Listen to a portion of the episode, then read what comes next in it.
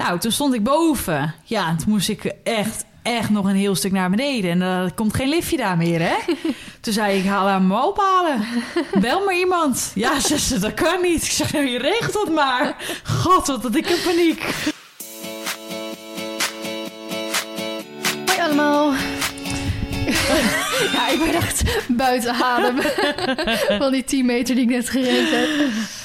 Esme die is bij mij met der boyfriend Jury. Mhm. Ik heb net lekker voor jullie gekookt. Dat was heerlijk. Maar eh, nu moet Jury dus twee podcasts wachten Ja. tot jullie weer weg kunnen. Eh, dus hij ging even de... Jullie hebben... Is het een volledig elektrische auto? Ja. Die heeft een elektrische, elektrische auto. Dus hij dacht, anders ga ik even in de tussentijd even ergens laden. Ja. Ehm, dus ik zei, nou, ik kan wel bij mijn schoonouders. Nou, kan blijkbaar dus niet, want dat is een privé-laadpaal. En, Ja. toen moest, en toen was hij dus onderweg al daarheen. Dus toen moest ik door de regen gaan rennen om te zeggen, oh, kan toch niet? En moet ik even naar mijn schoonouders rennen om te, te laten weten... joh, hij gaat jullie laadpaal gebruiken. En toen moest ik weer terugrennen om te zeggen... oh, ja, je kan, daar zo kan je wel laden. Dus ik ben gelijk helemaal kapot. Gaat er, meid. Wil je erover praten?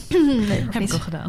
ja, ik heb net alles al verteld. Dus, nou, leuk dat jullie in ieder geval weer luisteren naar Ja. een nieuwe podcast. Het Yes. is eh, vandaag eh, 10 januari. De vorige podcast hebben wij opgenomen op 30 december. Ja, Het voelt echt raar dat we elkaar zo vaak zien nu. Het is echt eh, anderhalve, één keer in de anderhalve week, zeg Ja. maar. Ja, Gaat heel hard. maar ik vind het wel... ik vind het heel gezellig. ja, dat Zeker, sowieso. ja. Want eerst was het soms bijna één keer in de maand of zo. Ja. En dat was gewoon te weinig. Ja, ja. Dit dwingt ons gewoon. precies, precies. Ja. Hey, wij hebben de vorige podcast, Mhm. ehm, dus niet dezelfde als nu, want die is dan alweer twee weken geleden. Mhm. Maar dat we inderdaad wat meer actualiteiten, et cetera. ehm, mm, mm, mm, ik zit even tegelijk zoeken. eh, gingen bespreken. En toen hebben wij het natuurlijk over twee ruiters gehad. Ja. Waar wat eh, ja, dingen op social media over gingen. Ja. En toen hebben we ook gelijk eventjes gezegd van... Vinden jullie dat wij dit kunnen zeggen? Of Ja. vinden jullie dat we dat niet kunnen zeggen? Willen jullie dat wij ehm ermee doorgaan? Willen, vinden jullie dat we daarmee moeten stoppen? Of vinden jullie dat we dan, dat dan zonder naam en toenaam moeten doen? Et cetera. Ja. En we hebben van meerdere mensen berichtjes gekregen... wat ja, we heel fijn vinden. ook eh, weer. Echt ja. super lief dat jullie dus ook echt moeite namen... om even jullie mening daarover te delen.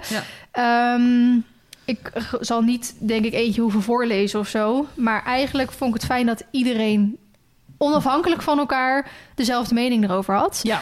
Dat iedereen dus vond dat we dit juist moesten bespreken. Mhm. Het ook goed vonden dat we het bespraken. Mhm. En dat ze ook vonden dat we het eh, met respect deden. Ja. Dus dat vond ik ook wel fijn, want daar ben ik altijd een beetje bang voor. Je dat probeert het, zo voorzichtig mogelijk te brengen. Ja. Maar het moet ook inderdaad niet een aanval zijn. En het kan een momentopname zijn van iets. En Ja.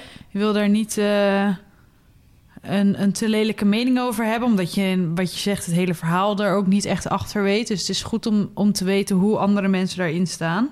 Ja, maar ze zeggen inderdaad van ja, het stond nou eenmaal op Instagram of ergens ja, het anders. was publiekelijk. En er was inderdaad al. Wat zeg je nou? Ja, ja, moet ik Ja, sorry. stofzuigen straks. Ehm, er, er, ja, dat is gewoon te zien. En sommige fans vonden juist ook goed dat we het bespraken om juist ook een beetje bewustwording te creëren. Ja, dat. En dat er ook over gepraat wordt. Ehm, Ja. en, en soms is het natuurlijk ook een beetje kijken naar het grotere plaatje. Zo hadden we het inderdaad in de vorige aflevering onder andere over Britt Dekker eh, met eh, George op Horse Event toen. Ja. En toen reageerde ook iemand die zei eigenlijk gewoon alles wat we net zeiden. Maar die zei ook van ja, Brit is wel echt eh, een, een beetje een verademing. Ze is altijd heel open en eerlijk. En Ja. nou, zeg maar ook heel erg positief over Brit. En toen zei ze maar, ik heb inderdaad ook dat filmpje gezien. Zag er inderdaad niet zo fijn uit. Maar ehm, ja, als je Brit mag geloven hoe George in de trainingen is... dat hij heel erg uit zichzelf, zeg maar, daar loopt. Mhm. Dus dat Brit altijd die lengte probeert op te zoeken. Maar zeker op zo'n moment als bij Horse Event... dan gaat hij soort van zelf daar lopen. En natuurlijk, zij heeft ja, met uiteindelijk de spanning en zo. Ja. Dus dan zou het bijvoorbeeld mooi geweest zijn als de... Waar, Omroeper. precies, de omroeper... Volgens mij deed ze dat met Tineke Bartels Ja. toen. Dat die misschien dat had opgemerkt. En Ja. dan had gezegd... joh Brit, we zien dat George misschien wat spanning heeft. Dus laten we proberen hem die ontspanning te vinden. Ik zeg maar even wat. Dat had bijvoorbeeld een optie kunnen zijn. Nou, ik snap dat het misschien iets meer om de show gaat op dat moment.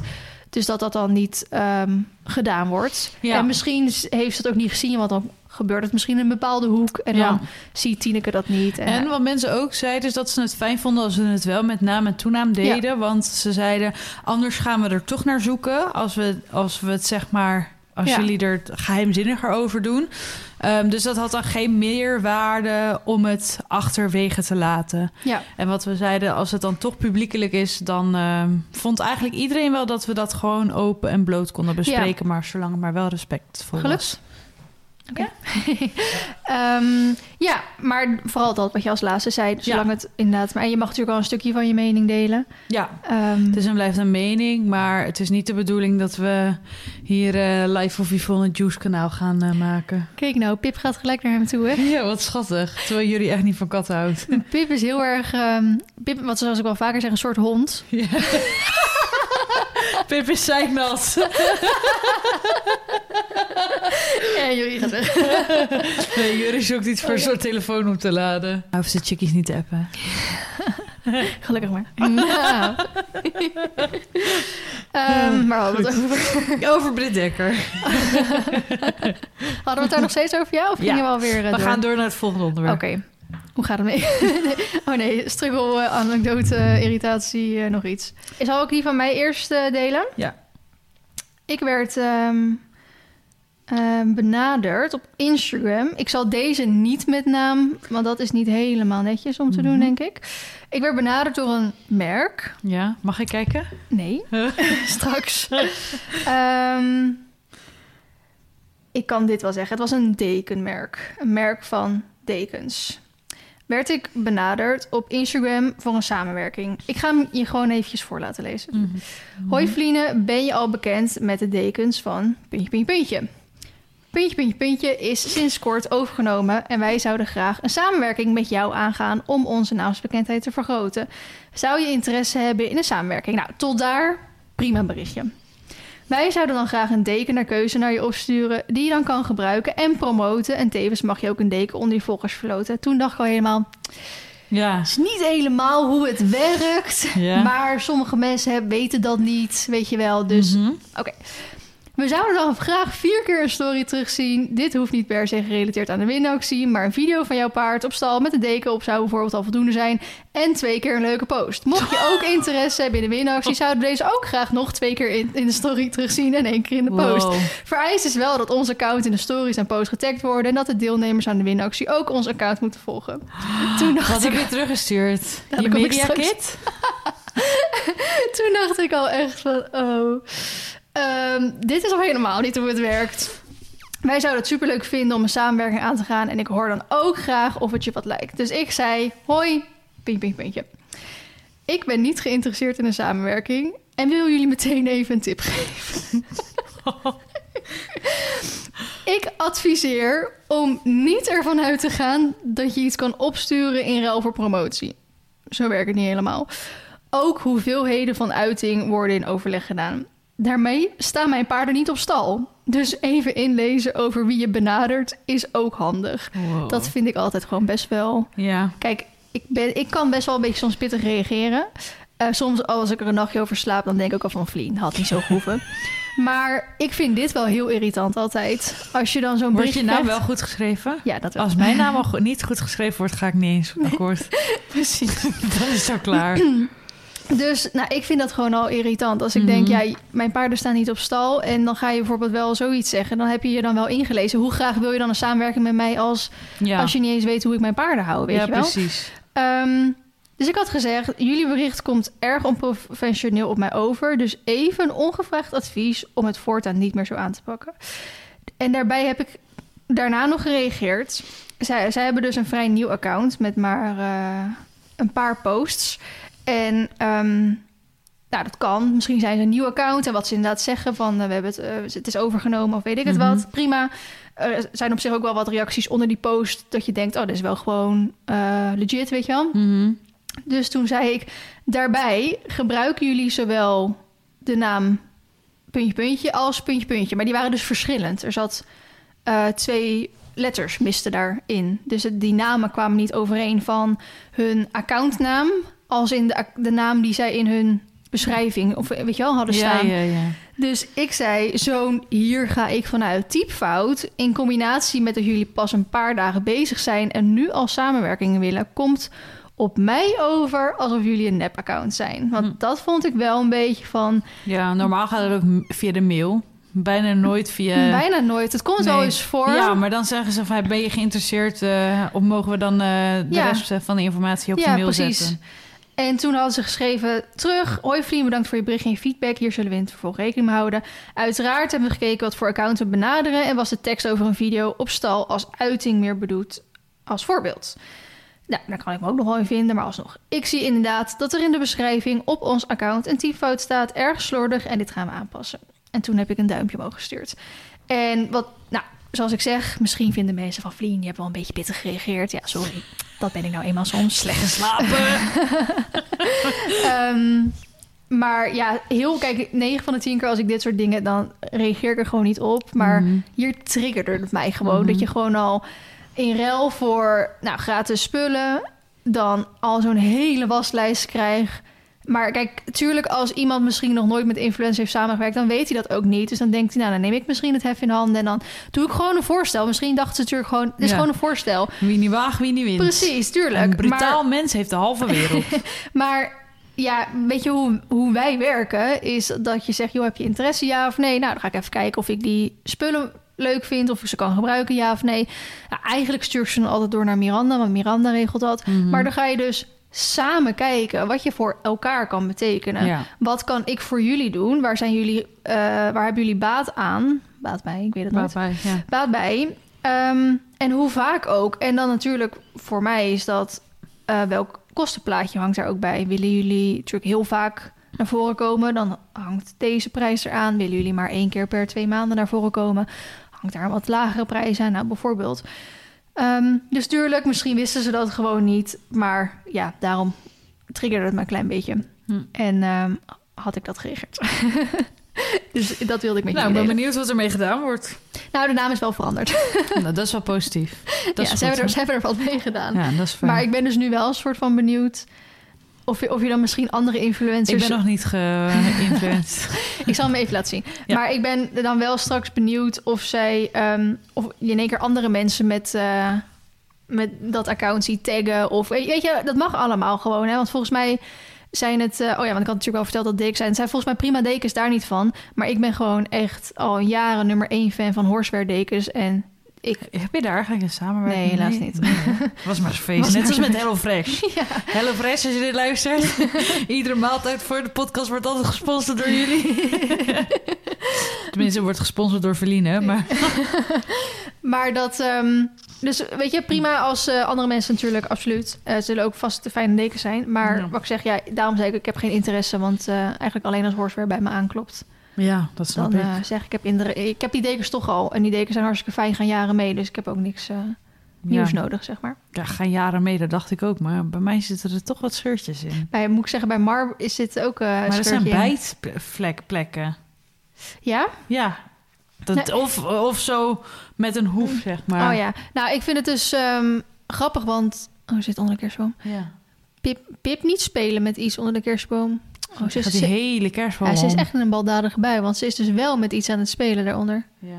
Pipje, Ze hey. was net ook met mijn hand aan het spelen. Ja. Maar ehm, die eerste horsewear deken van Mar, op één dingetje na heeft hij echt jaren dienst gedaan. En toen was ik er eigenlijk, ja, hij was zwart. Ik vond dat eigenlijk al nooit een mooie kleur natuurlijk. Dus toen heb ik een nieuwe voor hem gekocht. Ehm, ik heb eerst eentje van, voor Nacho gekocht. Daar was na één dag was de staartkoord daar al van kapot. Oh, En eh, toen heb ik nu natuurlijk weer een nieuwe voor Nacho gekocht. Die is nog helemaal goed. Ik heb ook vorig jaar een nieuwe voor Mar gekocht. Daar zag ik vandaag dus ook dat er ergens al een klein eh, scheurtje in zat. En Suske heeft er ook eentje. En daarvan is die eh buiksingel dus nu kapot. Hm. Die ik met duct tape had geplakt. Ja dat heb eh, ik gezien, ja. Die duct tape. Ja, want verder doen die dekens echt Ja, goed. fantastisch zijn ze. Alleen, Baloo krijgt dus nu schuurplekken. Echt? Ja, Oh, dat heb maar ik nog bij nooit der- gehad. Bij der, Schouders. Eh, ja, ik denk omdat ze te breed aan het worden is. ja, maar die dekens zijn Eindelijk. juist normaal, want daarom heb ik die voor Ja, Marley. het Ja, verschilt per, eh, hoe heet het, hè?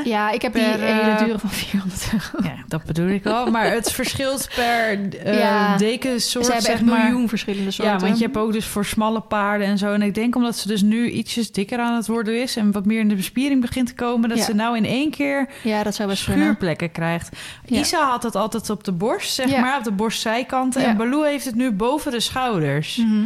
Echt, zeg maar, tegen de hals aan. Dat je Mhm. echt denkt, hoe dan? Vond ik heel bijzonder. Maar goed, maar goed, eh, dat over de dekens.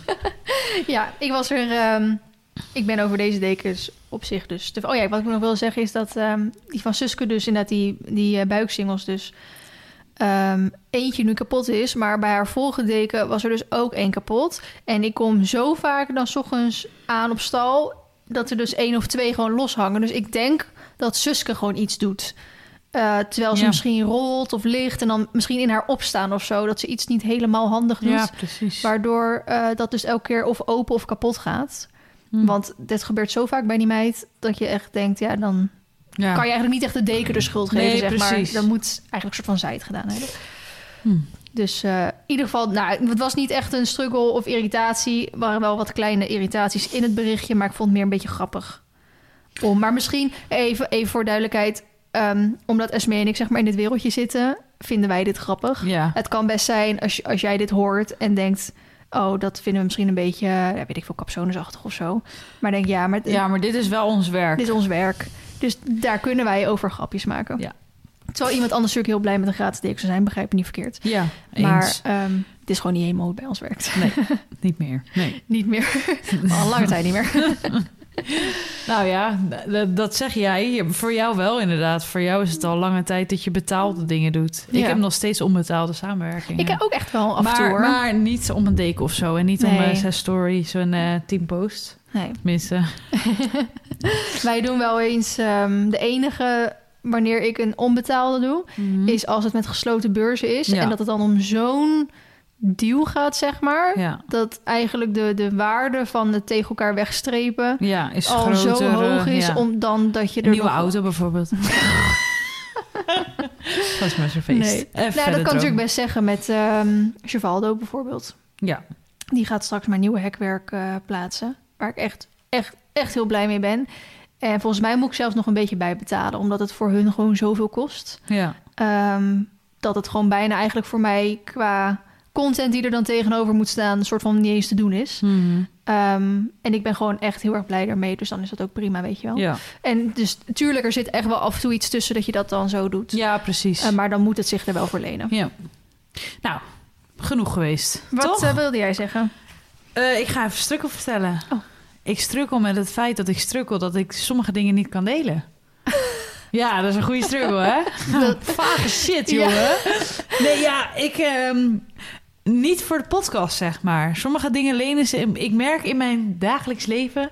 dat er dingen zijn die ik heel graag wil bespreken met mensen... en die ik dan ook bespreek met mensen.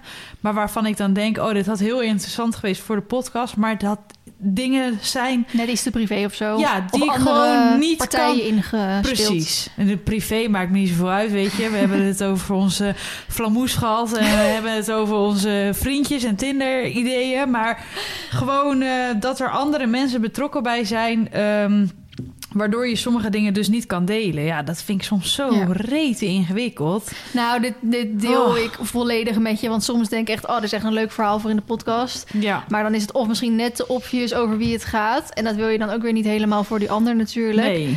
En eh, dan moet je toch gewoon alleen maar in real life met ja, mensen en sommige dingen zijn gewoon struggles waar denk ik iedereen mee struggelt. Eh, maar dat zijn dan gewoon, ja, wat, wat je zegt, zulke privé dingen. Eh, waar anderen. dus andere mensen in betrokken zijn, Ja. die je dan dus gewoon niet kan delen. En dat vind ik soms Ja. wel lastig. Snap Dan ik. denk ik, oh, dit is goed voor de podcast. Oh nee, dat kan niet. Dus Ja. daar strukkel ik een beetje mee. Ehm, en dat was mijn struggle. Nou, Verder wil ik het nu gewoon heel graag van de positieve kant te gaan bekijken, deze podcast. Want anders krijgen we weer problemen dat we te negatief zijn. oké. Dus, we gaan door. We gaan door. Ik, ehm, we gaan even kijken. Want ik, ik wil op zich aan de ene kant heel veel vertellen. Maar ik moet ook nog een beetje wat bewaren voor in de volgende podcast. Oh ja, wat ik wel qua positief even wil zeggen.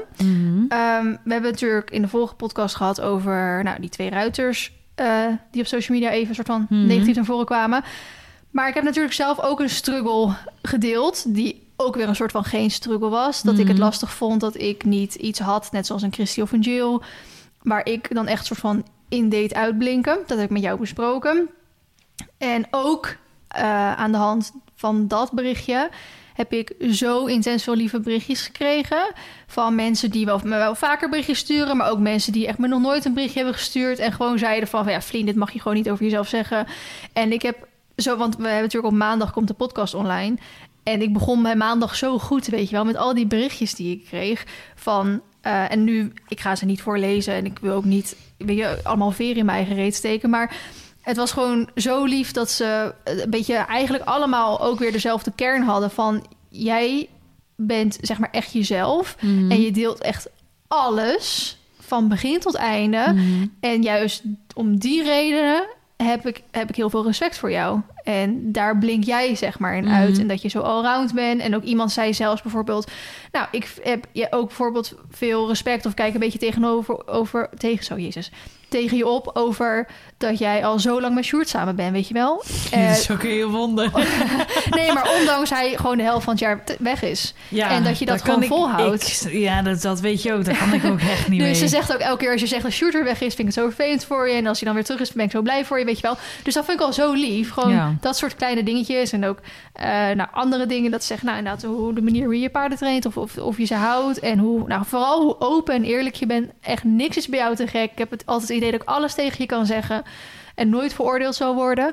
Dat is natuurlijk gewoon een hartstikke mooi compliment. En dat vond ik super lief dat mensen de moeite namen om dat tegen me te zeggen. Dus Lief. ja. Daarvoor gesproken krijg ik nu een berichtje binnen nog over de podcast. Oh. Ehm, hmm, voor mij hoeft de negatieve kritiek op personen niet in de podcast, ook niet anoniem. Zoals jullie zelf aangeven, vinden jullie het zelf ook niet leuk als mensen negatief reageren eh, onder jullie vlogs. Dit voelt een beetje als hetzelfde, ook al staat het op het internet en gaat het over publiekelijke personen. Voor mij hoeft het gewoon niet per se. Natuurlijk zijn er ook veel negatieve actualiteiten en mag en moet er het soms wel benoemd worden, maar het hoeft van mij niet in jullie podcast. Maar dat is mijn mening. Door mee wat jullie wil en veel plezier en succes met alles. Nou, is prima, omdat eh, dat, dat gedeeld wordt, toch? dus dat is. eh, Eh, het is wel grappig dat we net zeggen... we hebben alleen maar dezelfde soort berichten gekregen... en deze zegt dan weer echt totaal iets anders. ja. Da- daarom, ik, ik zat dat nu, ik krijg dat berichtje echt nu net binnen, dus ik dacht, oh, dat moet ik even nog met jullie delen. Ja. Dus dat kan ook natuurlijk. Ja, nou goed, we zullen gewoon kijken. En ik denk dat we vooral per onderwerp, per situatie even moeten aankijken. Ja. Van nou, hoe gaan we dat brengen? En gaan we dat brengen, ja of nee? En Ja. heeft het meerwaarde om het te brengen? Vooral dat, denk ik. Ja, Doe maar. Ehm, maar ik- ja, het zal niet eh, de laatste keer geweest zijn... dat we denk ik eh, nee, iets bespreekbaar maken, toch? Wat mij betreft ehm, niet. we gaan, zullen we gewoon even lekker eh, wat we allemaal afgelopen twee weken gedaan hebben? hey, zullen we dat eens even lekker doen? De afgelopen anderhalve week eigenlijk Ja, pas. dat is waar. Het was natuurlijk ten eerste oud en nieuw. Ja, Zullen we daar niet te lang over praten? Want ehm, Nou, ik, Ik kan heb- er heel kort in zijn hoor. ja, maar ik heb altijd het idee, omdat dat nu alweer nou, voor de luisteraar ruim twee weken geleden is, is het gewoon niet heel. Relevant meer. Weet je, de eerste dagen vind je nog soort van leuk om te horen van iedereen wat hij gedaan heeft. En eigenlijk daarna denk je toch wel een beetje van, nou, Ja. boeit me eigenlijk niks. Ehm, nou, ik kan ook kort en krachtig over zijn. Anissa, eh, mijn beste vriendin uit Maasluis, die ik dus al 23 jaar ken, eh, die was hier met haar zoontje Rif. Die was hierheen gekomen. En Carmen, die was hier ook heen gekomen. Dus we hebben gezellig met z'n, ja, drietjes, viertjes, zeg maar, hebben hier oud en nieuw gevierd. En eh, lekker gegeten, hebben ka kaas fonduut. Oh, lekker. Ja, dat was, heb ik echt eh, al heel lang niet gedaan. Nou, ik liep dus in de supermarkt en ik dacht echt van ja, ik had dus eigenlijk niet heel veel zin, want ik had zoveel te doen die dag, om dan ook nog weer dus zo voor drie à vier mensen in de keuken te gaan staan. Mhm. Ehm, dus ik had al me helemaal bij neergelegd dat we gewoon thuisbezorgd gingen doen. Mhm. En toen was ik dus zo aan het winkelen en heel mijn mandje aan het volgooien, of eigenlijk heel mijn karretje aan het volgooien. Dus toen dacht ik al van, heb ik überhaupt niet met al het eten wat ik nu gekocht heb, Genoeg. gewoon al genoeg dat er gewoon geen avondeten nodig is, dat er gewoon al zoveel snacks zijn Mhm. dat dat ook genoeg is. En toen dacht ik, ja, aan de ene kant wel, maar het is natuurlijk ook wel weer echt leuk als je gewoon even zo'n momentje neemt om met z'n allen echt avond te eten. Dus eh, toen bedacht ik me dat ik van mijn moeder een tijdje terug een kaasfondue heb gekregen, omdat ik zelf heel veel van kaasfondue hou. Wat ik heb geleerd toen we bij jouw ex in zijn restaurant gingen eten. Oh, daar stond ja. kaasfondue op het menu. ja, daar- dat klopt. Dat en- heb je vaak gegeten daar. Ja, en dat vond ik echt heel erg lekker. was Dus- ook goede kaas van de. Ja, zeker. Ja. Dus we hebben dat een tijdje geleden met Noek en Thomas gedaan. Mhm. Ehm, en ja, weet je, een kaasfondue is toch iets wat je minder snel pakt dan bijvoorbeeld een gourmet set. Als je denkt, oh, Ja. we gaan in een gezelschap eten. Dus heb ik je ook dacht, speciaal kaas gekocht dan? ja, dan Ik moet je dus... kaas. ja, ik moest echt vragen van waar vind ik kaas die je hiervoor kan gebruiken. Ja, Eigenlijk moet je dan van die eh, kant en klaar eh, pakken. Ja, of naar zo'n kaas. ja, kom je weer vervelend doen? Hey. Eigenlijk moet je naar zo'n kaasboer gaan die dat dan ook met speciale wijnen en zo doet. Ja, ik snap wat je bedoelt. Maar toen dacht ik ook van ja, eigenlijk alles wat ik in mijn karretje heb liggen qua snacks, die kan je ook prima in een kaasfondue stoppen. Ja. Dus ik heb eigenlijk alleen zo'n Zo'n eh, zo'n oh. zak kaasfondue eh gekocht en dat erin gedaan. En toen hadden we daar gewoon een beetje zo lekker. Maar het vult super erg. ja, je Dus je kan wel- helemaal mis. Je kan wel heel veel gaan zitten maken, maar je neemt echt tien van die happen en je zit gewoon echt al vol, weet je Ja. wel. En dan zeker met alle snacks die we daarna nog hadden. Ja. Hoe ben je ook Lekker. M&M's je erbij weet- in je kaas van Mm. Je weet ook niet, dus eh, je gaat ook niet drie uur daarna niet eten of zo, weet je wel, dat je jezelf Nee, zo volstout. Dus eh, nou, we hebben lekker gekaasfonduut. En eh, ik wil natuurlijk graag thuis blijven, omdat Nacho eh, voor de eerste keer hier dan thuis is. Mhm. En eigenlijk ging echt supergoed. Deze keer niet door het draad heen gegaan. Deze keer niet, van alle keren dat hij ging, deze keer niet. En ehm, nou, ze, ze stonden echt, echt heel rustig met z'n allen. Het was wel heel opvallend dat ze voornamelijk allemaal achterin de wei stonden. Mhm. Dus die plek die ze ook heel vaak opzoeken om hun rust zeg maar, te vinden. Mhm. Achterin de wei is op een of andere manier heel meest dicht bij de weg. Echt hun rustplek. Ja. Ehm, ik denk omdat dat, dat open is, dus dat geeft overzicht. Zo'n inloopstal, weet je wel. Of ja, wat meer anders. richting de bomenrij is toch dan anders voor ze. En er wordt niet echt per direct in onze nabije omgeving iets afgestoken. Het is altijd verder eh, bij de nieuwbouwwijken of bij de steden echt, weet je wel. Ja. Dus het gebeurt wel, maar niet naast hun. Mhm. Dus dat scheelt ook een hoop. Ook qua karbietschieten en zo viel het heel erg mee. En het scheelt dat het natuurlijk ook wel de dagen daarvoor al een beetje opbouwt. Omdat mensen toch altijd wel afsteken. Dus ze kunnen er al een beetje aan wennen. ja. Dus ik heb eigenlijk niks veranderd als normaal. En ze stonden er super rustig bij. Dus dat vond ik heel erg fijn. Chill. En we hebben lekker spelletjes gedaan, dat soort dingen en zo. Dus eh, Heerlijk. dat was mijn oud en nieuw. Fijn, gewoon joh. prima. Lekker. Prima, ja. ja. lekker. Jij hebt geslapen. We hebben de 30 december dan nog de podcast opgenomen. Mhm. En 31 december ben ik, eh, heb ik Baloo gedaan. En toen ben, zijn we met de trailer naar eh Raalte gereden, naar ons huis. Met de wasmachine en de droger. Want we hadden het plan dat als we die vast op zolder hadden staan... dan konden we de muren ook niet opnieuw beschadigen. Dus kon ik die ook gaan verven. Mhm.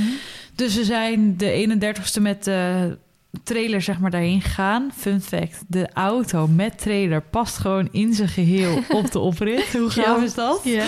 En toen zijn we spullen gaan pakken van Jury en terug naar Soes gereden. Maar voor wat we thuis waren was het ook eh, zes uur of zo. Toen hebben we pizza gegeten. Toen heb ik lekker mijn nagels gelakt. En toen ben ik eigenlijk, eh, nou, hoe laat was het? Eh, kwart voor tien, tien uur naar bed gegaan. Ik kon ook niet meer. Toen ben ik om twaalf uur even wakker geworden, want toen was het dus oud en nieuw. En in Soest hadden we dus een vuurwerkverbod. Oh, ja, hier ook, maar echt- niemand houdt zich eraan. Nee, Nee. het was niet normaal. het knalde erop los. Nou, echt, ik wist niet wat ik zag. Mhm. Dus het was eh, heel druk. Buiten vooral, binnen niet. En eh, toen ging de wekker om eh, kwart over vier. Want wij gingen s ochtends op wintersport. Wie verzint dat? Op 1 januari. Nee, we zijn s ochtends om vijf uur weggereden. En toen waren we om half drie in eh, Oostenrijk. Saalbach, Hinterklem zijn wij geweest. Lekker hoor. Dus dat was eigenlijk mijn oud en nieuw. Maar ook dat het helemaal niet zo ver rijden dus was. Nou, eh Of wel? Of... tien uur oh, bijna. oh, oké. ja, Ja. het was wel eh, een flinke zit Ik hoor. zit in mijn hoofd met 14 uur of zo, maar... Nou, 10 uur is ook nog steeds tering lang. Nou, maar we hebben bijna niet gestopt.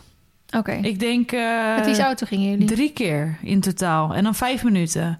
Dus voor tanken, drinken, Plassen. plassen en door. Met wie's auto gingen jullie? Met Lorenzo's auto. Van mijn auto? broertje. Want die heeft een auto van de zaak. Oh. Dus we hebben hier in Nederland getankt. En toen eh, op de heenweg ergens nog volgens mij in eh, Oostenrijk. En toen pas weer op de terugweg. Dus dat was top. Mhm. En uh, Jury en Lorenzo hebben het hele stuk gereden. En ik heb eh, achterin liggen slapen. Jullie ben- met z'n drie in de auto dan? Nee, met papa er Oh, ook bij. ja, ja, ja, papa ja. en ik zaten achterin en die mannen voorin. Prima. was echt top. Ja, ik heb echt, ik denk, ik, van vijf tot negen geslapen. Toen ben ik een uurtje wakker geweest. En toen van tien tot eh één of twee weer. En toen het laatste uur, toen we eindelijk door de bergen gingen, werd ik een beetje wakker. Maar Lekker, alles was dus groen bij ons, hè? Alles was groen. Ook toen je daar aankwam. Ja, er was geen sneeuw gevallen. Oh. Terwijl nu, Oh, echt? mijn broertje stuurde vandaag foto's. Het Is hij er nog? Nee. Oh, gewoon via de... We hebben zo'n webcam waar je Ja, op kan ja, kijken. ja. Het is helemaal wit. Er ligt bijna een meter aan, Oh aan my sneeuw. God. Nou, echt janken toen ik dat vanochtend zag.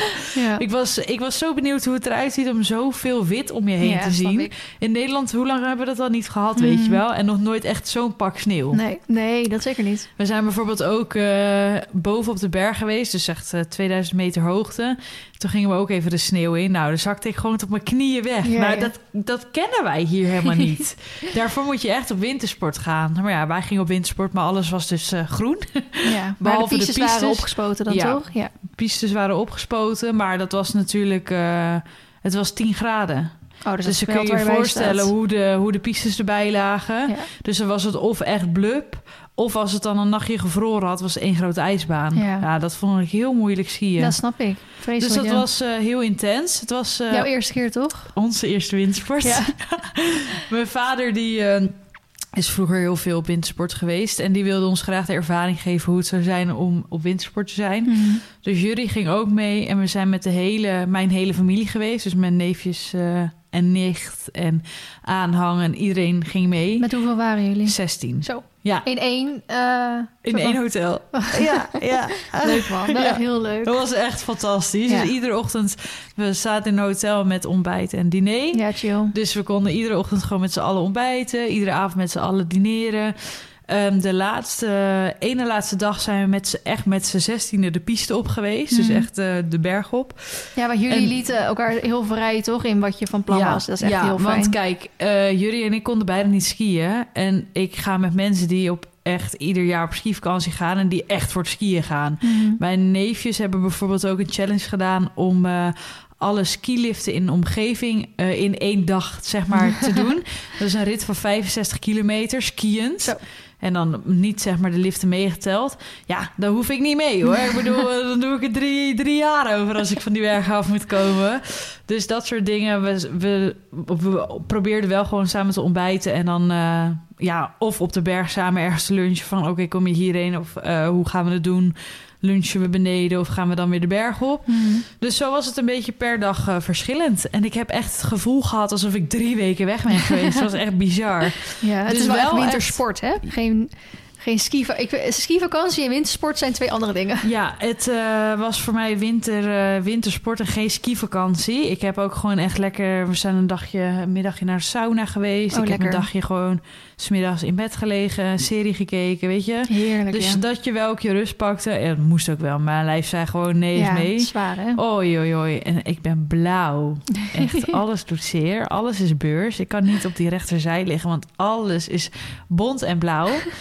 Maar het was wel echt heel leuk. Maar ik En, vond dat ehm, je het best goed deed. Nou, ik had dus ehm, geen les genomen, expres niet. Mijn broertje heeft dus bijvoorbeeld in Soesterberg hebben we een, ehm, een eh, borstelbaan. Ja. Daar heeft hij zes lessen genomen. Mhm. Maar ik ben vroeger tijdens Kiesje Sport, ik weet niet of je dat ook nog kende, Kiesje Sport. Oh, Dat soort- was ja. op de basis, nee, op de basisschool. Oh, oké.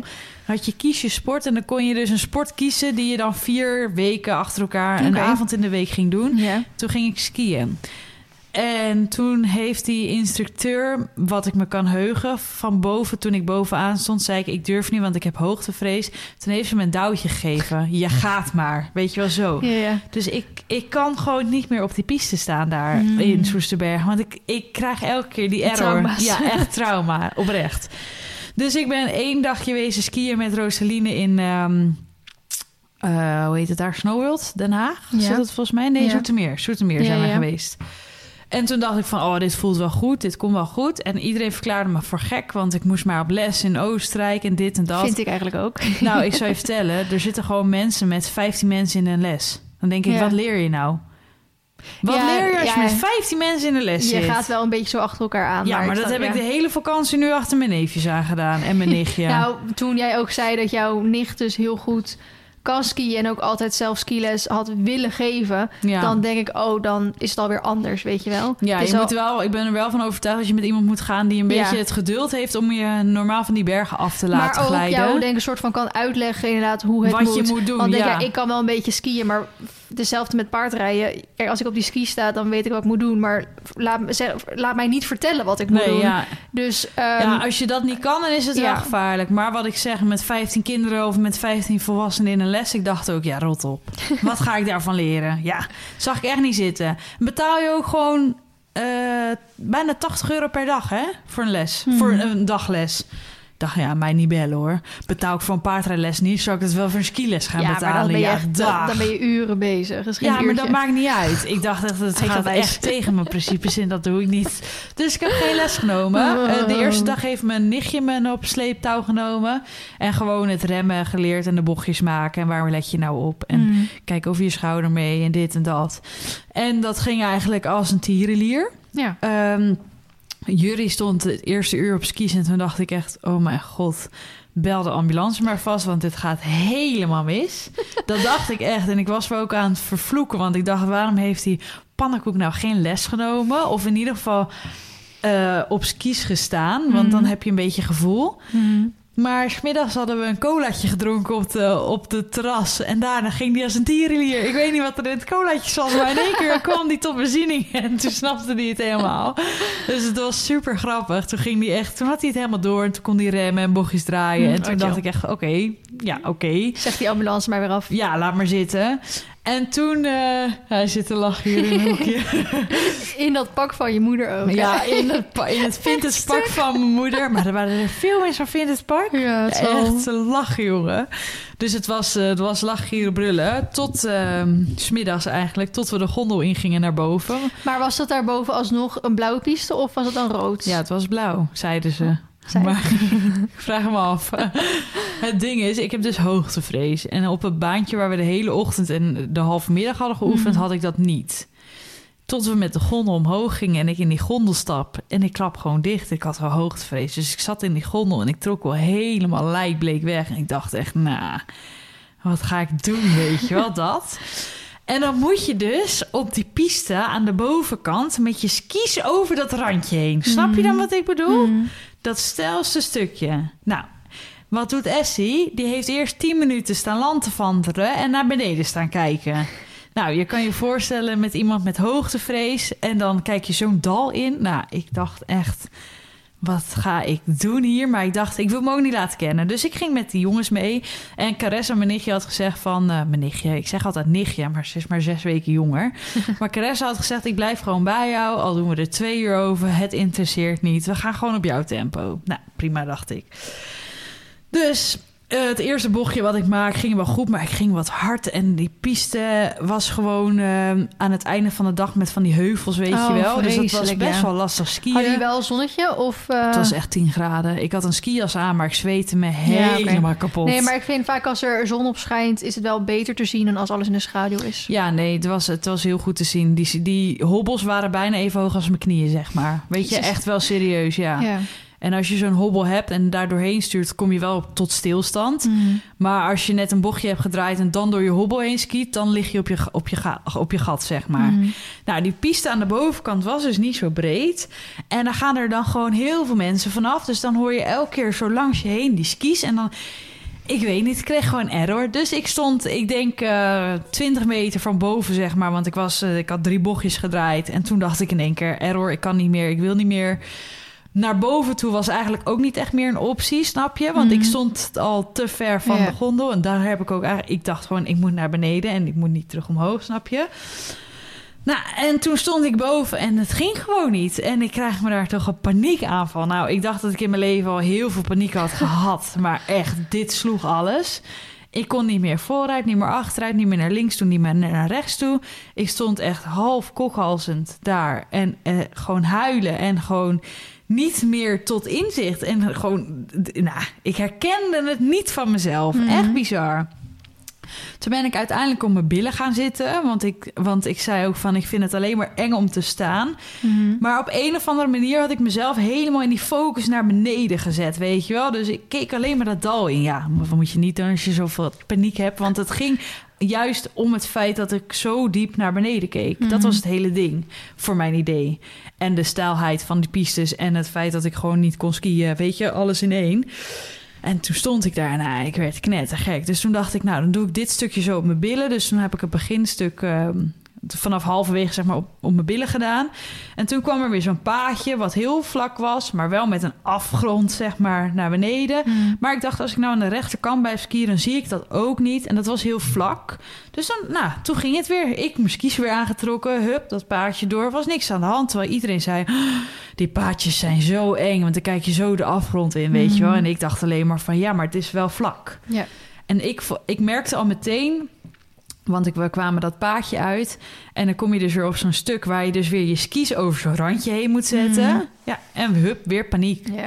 Nou, toen stond ik boven. Ja, en toen moest ik echt, echt nog een heel stuk naar beneden. En er komt geen liftje daar meer, hè?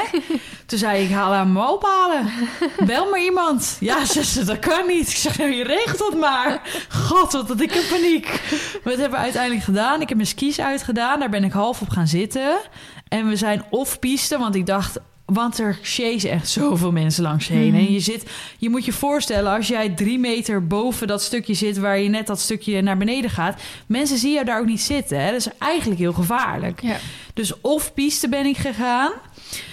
En toen ben ik dus gewoon bijna een kilometer naar beneden op mijn reet gegaan. Nou, en het laatste stukje dus wel weer mijn skis aangetrokken. Want ik zei, kijk, ik kan gewoon skiën. Daar ligt het niet aan. Mhm. Hup, ik trek mijn skis aan. Dan kan ik gewoon weer skiën, snap je? Dus dat is pure paniek in mijn hoofd dat ik gewoon niet meer uit kon zetten. Ja. Gewoon echt, echt paniek. Toen dacht ik, nou, dat was dag één, hè. We begonnen zo goed. En ik dacht helemaal, nou, ik heb het helemaal gemaakt, weet je wel. Ik Mhm. kan skiën en ik kom daar van die berg, eh, of op de berg. En eh, nou, nee, dat ging echt niet. Dus Nee. eenmaal beneden, ik denk dat ik er... Ik heb er ruim twee uur over gedaan. Iedereen stond al in de après-ski. nou, ik kwam daar beneden. Maar zelfs Jury en Lorenzo zeiden van... ja, dit hadden we echt niet moeten doen. Dit Nee. was echt eh, een klap voor ons ego. Zelfs hun hadden er moeite Mm. mee. En hun hebben geen hoogtevrees. Dus toen dacht ik, nou... Dat stelde mij wel een beetje ook gerust dat ik dacht, nou, ik heb me niet aangesteld. Het Mm. lag niet helemaal. Ja, het lag wel aan mijzelf, want hè, die paniek moet je gewoon uitzetten. Of tenminste, dat zeg ik ook heel makkelijk. Maar... dus nou, wij eh, de volgende dag eh, weer op die rustige baantjes geoefend, op die lage baantjes. En toen zijn we uiteindelijk 500 meter gaan lopen naar een andere piste. Mhm. En dat was dan eh, nummer 12, zoals dat heette. Mhm. En degene van de klas, eh, want we hadden ook iemand in de familie, of tenminste, die was met, ja, ik zei dat we aan het begin zei ik toch dat we met 16 man waren. We waren er was ook een stel met twee kids mee, wat vrienden van ons familie is. Mhm. Dus dat is niet officieel familie, maar die Mhm. was wel met ons mee. En hun hadden allebei les en de kids hadden allebei les. Mhm. En de volwassenen hadden de- op de tweede dag waren die ook naar die berg toe gegaan. En die zeiden van dat is echt goed te doen. Dat is een stuk langer en eh, ander pad als wat je op die kinderpiste hebt. Maar dan, en dan is het ook niet te stijl en te moeilijk. En daar kunnen jullie wel Ja. overweg. Dus toen zijn we daarheen gegaan. En ehm, dat was dan geen gondel, maar zo'n... eh, eh, ook geen stoeltje, maar zo'n eh, sleepliftje Ja, zo'n inderdaad. ankertje. Ja. En toen kwam ik daarboven en toen kreeg ik ook gewoon weer diezelfde paniek als die dag ervoor. Maar ik dacht wel, hé, hey, dit is minder hoog en ik moet minder diep naar beneden kijken. Ik moet gewoon focussen op mijn eigen pad. En zo ben ik eigenlijk die piste afgekomen. Mhm. Gewoon volle focus op mezelf en niet op wat anders. Maar het laatste stukje van die piste is dus ook weer heel stijl. En elke keer als ik daar kwam, kreeg ik weer paniek. Dus toen dacht ik al van, oké, het ligt dus niet per se aan de hoogte... maar het ligt aan hoe, hoe die piste, zeg maar, eh, hoe stijl het is. Mhm. Maar je moet je voorstellen, als je je skis er in één keer overheen zet... ja, dan is alles heel stijl. Maar als je vanaf, Ja. eh, vanaf de zijkant al bochtjes Ja. maakt... Ja. dan is die piste in één keer, sta je al stijl... en dan denk je, oh ja, ik ben er toch al bijna. Nog maar een extra bochtje dan. Dus zo zijn we dat in gaan delen. En toen kwam ik ook daar netjes van de piste af. Toen dacht ik, nou... Toen zijn we de volgende dag ook direct weer daar gaan skiën. Dus niet eerst naar die kinderwei, maar gewoon hup daarheen. En toen merkte ik gewoon dat ik vertrouwen kreeg. En dat Mhm. ging steeds beter. En eh, nou, dat was top. Toen hebben we echt, eh, we hebben één dag, dat was die dag ook wat regen gehad. Dus dan ski je ook niet heel lang. Dan Nee. ben je zeiknat en ben je het ook alweer zat. Hmm. En uiteindelijk hebben we ehm, ook daar zijn we naar boven gegaan. Dus bij die nummer 12 zijn we naar boven gegaan. En dan ook via zo'n smal vlak pad Hmm. weer terug naar de baan gegaan. Ehm, waar we dus maandag vanaf zijn Mhm. gekomen. Maar daar kwam je halverwege uit. Dus dan kon je het laatste stukje van, de, van die baan dan weer meepakken. Nou, dat had ik ook gedaan. En dat ging eigenlijk ook best wel prima. Toen zeiden we op... eh, want ik ben, we zijn op zaterdagmiddag gaan rijden. Op vrijdag zijn we met de hele familie dus de berg op gegaan.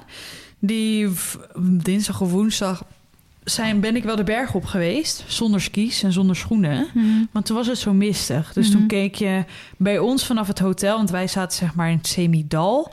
Eh, keek je tegen, de, eh, tegen het mist en tegen de wolken aan. Maar de gondel ging boven de wolken. En het was zo mooi daar. Het was echt bizar. Hmm. Dus toen liep ik daar gewoon op die berg. La la niks aan de hand. Geen hoogtevrees, helemaal Ik zie niks. dat al toch niet. En iedereen dacht echt, nou, die meid is helemaal gek geworden. maar ze dachten ook, als dit goed gaat... kunnen we de volgende keer ook wel weer meenemen naar wat anders. Dus zo waren we dus, was ik al wel op de berg geweest... en had ik van het uitzicht mogen genieten, maar nog niet op de skis. En dat had me eigenlijk wel goed gedaan. Dus ik kon het steeds wat meer van me afzetten... wat natuurlijk heel erg positief is. Toen zijn we dus vrijdag met de hele familie ehm, gaan skiën. Moesten we eerst met de gondel omhoog... en daarna met een... ehm, met zo'n stoeltjeslift. Mhm. Maar ja, dan hangen je benen los, hè?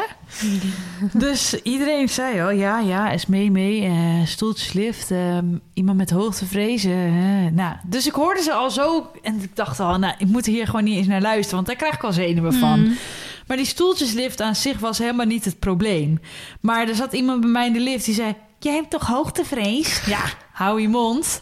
Weet je, dan krijg ik dus error. Dus ik was gewoon helemaal met mezelf bezig. En we, we gaan die lift uit. En het uitzicht was daar nog steeds mooi. Maar toen kwam er weer zo'n steile piste. En die was ijzig. Nou, Oh, dus Essie ging een paar keer flink op de bek. Ja. Dus dat heeft echt... Ik denk dat, nou ja, iedereen, de hele familie... We hadden dus afgesproken van we meeten wel weer beneden. Een soort van beneden. Want je maakt dus niet... We zaten op 2000 meter hoogte. En we gingen dus niet meteen een dalafdaling maken. Maar we Mhm. gingen van tussenstop Ja. naar tussenstop naar tussenstop. Ja. Dus iedereen zei, ik zei ook, ga maar, niet, niet bij me blijven. Ik, eh, Bram, mijn neefje, zei van, ik ski voor jou. Dan kun je in mijn pad, kun je zien wat je moet doen. Waar je Mhm. moet remmen, wat je moet doen. En Nou, lief dat iedereen zo... ja, eh, iedereen was heel meegaand, ja. dus dat was echt top. En hij zei, weet je, dan zien we jullie daar wel weer. hmm. Maar ik stond dus op een gegeven moment halverwege op die berg.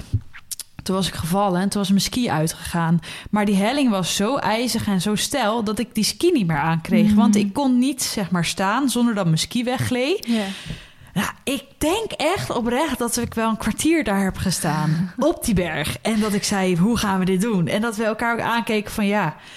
ehm, omdat ik dus al zo angstig was en dus ook niet mijn gewicht Ja. goed durfde te verdelen. Nou, het was echt een crime. Dus we kregen die ski niet aan. Dus ik zei, ja, als dit nog een keer gebeurt, hebben we echt een probleem. Hij zei, ja, maar je valt niet meer. We gaan dit doen, weet je wel. Dus met die gedachtegang gingen we weer verder. En inderdaad, ik was niet meer gevallen. Dus die ski was niet meer uitgegaan. Dus we komen op een gegeven moment op dat tussenpunt aan. En ehm, mijn oom stond daar te wachten. En die zei echt zo van, ja, eh, de rest is al een half uur verder eh, dan jullie. Toen zei ik, ja, eh, oké. Zegt hij, ja, wil je dan wel verder? Want eh, hier is de lift naar beneden. Dat kun je ook gewoon doen. Kun je met de bus naar het hotel. Dus Bram zei, mijn neefje, van...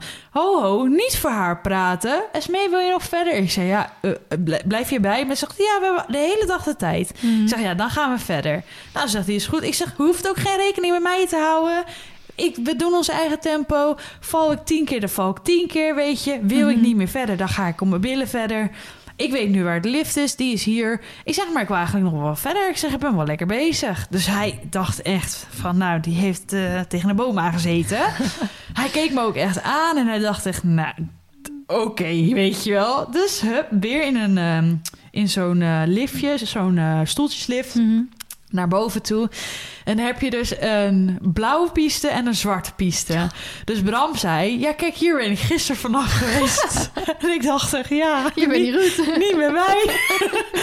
oei, oei, oei, oei, oei. En dan zie je ook gewoon die zon erop. Dus dan wordt het zo papperig. En Mm. het was echt... De pistes waren gewoon heel slecht. Omdat er dus geen echte sneeuw lag. Ja. Nou, dat heb ik me ook maar laten vertellen. Hè? Want ik bedoel, ik heb dus nog nooit op skis gestaan. Dus ik weet ook niet hoe het anders moet voelen. Mm.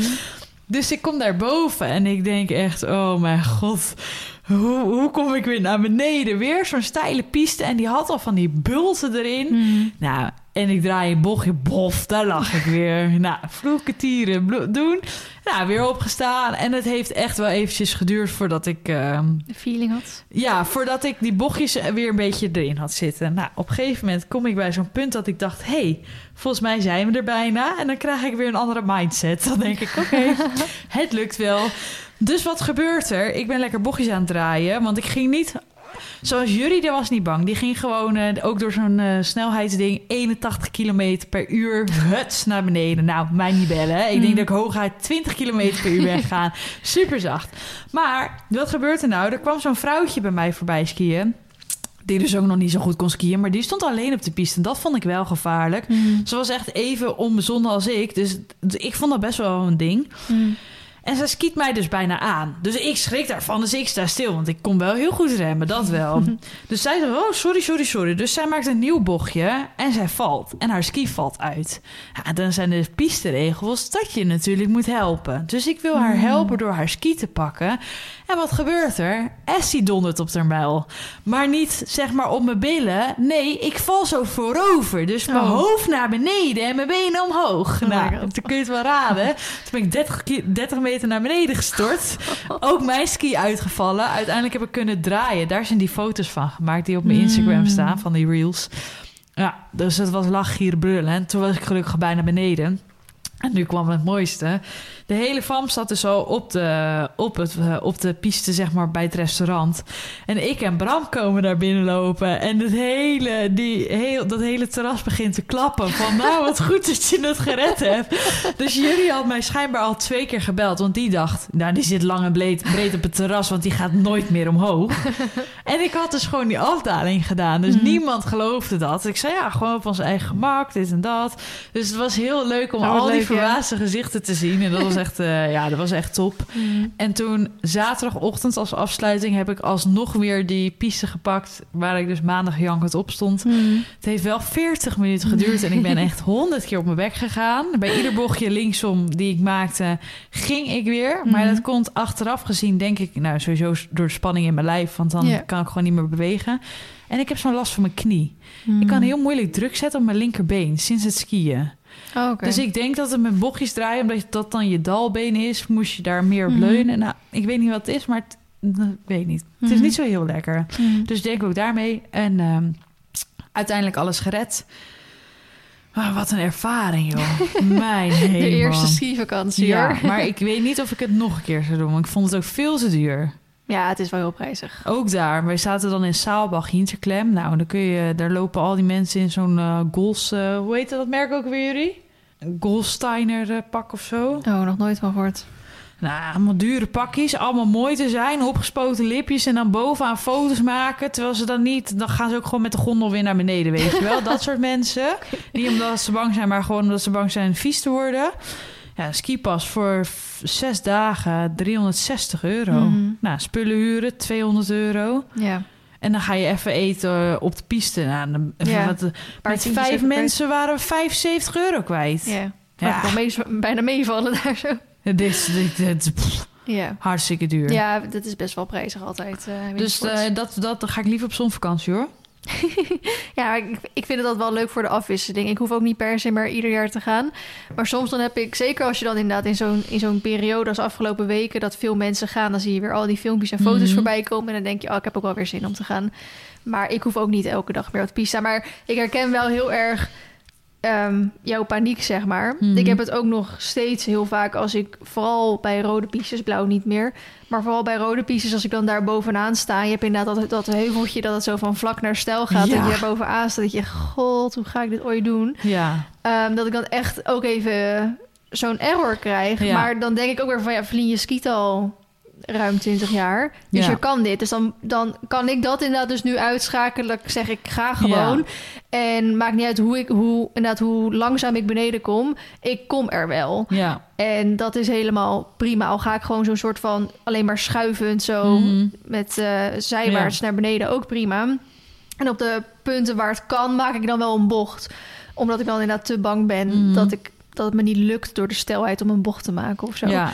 Dus ik, Ja, ik dat- vind die ja. stelheid inderdaad Ja, een ding. ik vind die stelheid ook, want ik, eh, toen ik afgelopen december naar, ehm, nou, daar bij eh, Willingen ging met Mhm. Hoefon, toen waren er ook een paar blauwe pistes die inderdaad helemaal niet zo, ja, natuurlijk heel stel waren. En daar durf ik dan ook gewoon hard te gaan en Ja, lekker bochtjes te maken. ja. Maar zodra het een beetje stijl is, Ja, krijg ik klap ik helemaal ook echt dicht. Ik- error. en, dan, en dan sta je halverwege, dus dan zie je die stelheid al niet meer, maar dan voel je het gewoon in je bochtjes draaien.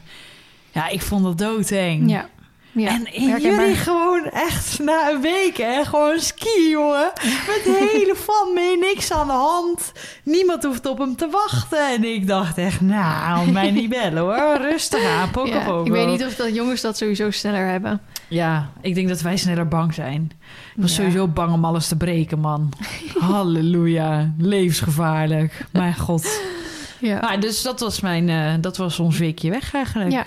En thuis gelijk weer aan het klussen. Ja, ik ben, eh, we zijn zaterdag nacht thuisgekomen. Toen heb ik zondag eh, hebben we thuis geweest. Ik moet even nadenken, het voelt alweer zo ver weg. En gisteren en vandaag geklust. En morgen moet ik weer werken. En dan is het bijna zover. Ja, Om te gaan verhuizen. ja. Spannend. Hebben jullie een, al een soort planning? Of is het Nee. gewoon nog steeds van... We We moeten eerst gewoon zorgen dat alles af is. Mhm. En dat de vloer ge- gedaan wordt. En dan pas kunnen we verder kijken, denk ik. Hebben jullie wel al redelijk alles qua meubels? En... Ja. Ja, dat hebben we allemaal. Dus dat hoeft enkel over verhuisd te worden. Want Mhm. een deel staat hier in Soest en een deel staat bij Jurrie thuis. Ja, dat moet dan gewoon naar het huis toe. Mhm. Maar we vinden het ook zonde om nu bijvoorbeeld alles in de schuur te zetten... waar het gewoon eh, koud is en vochtig. Ja.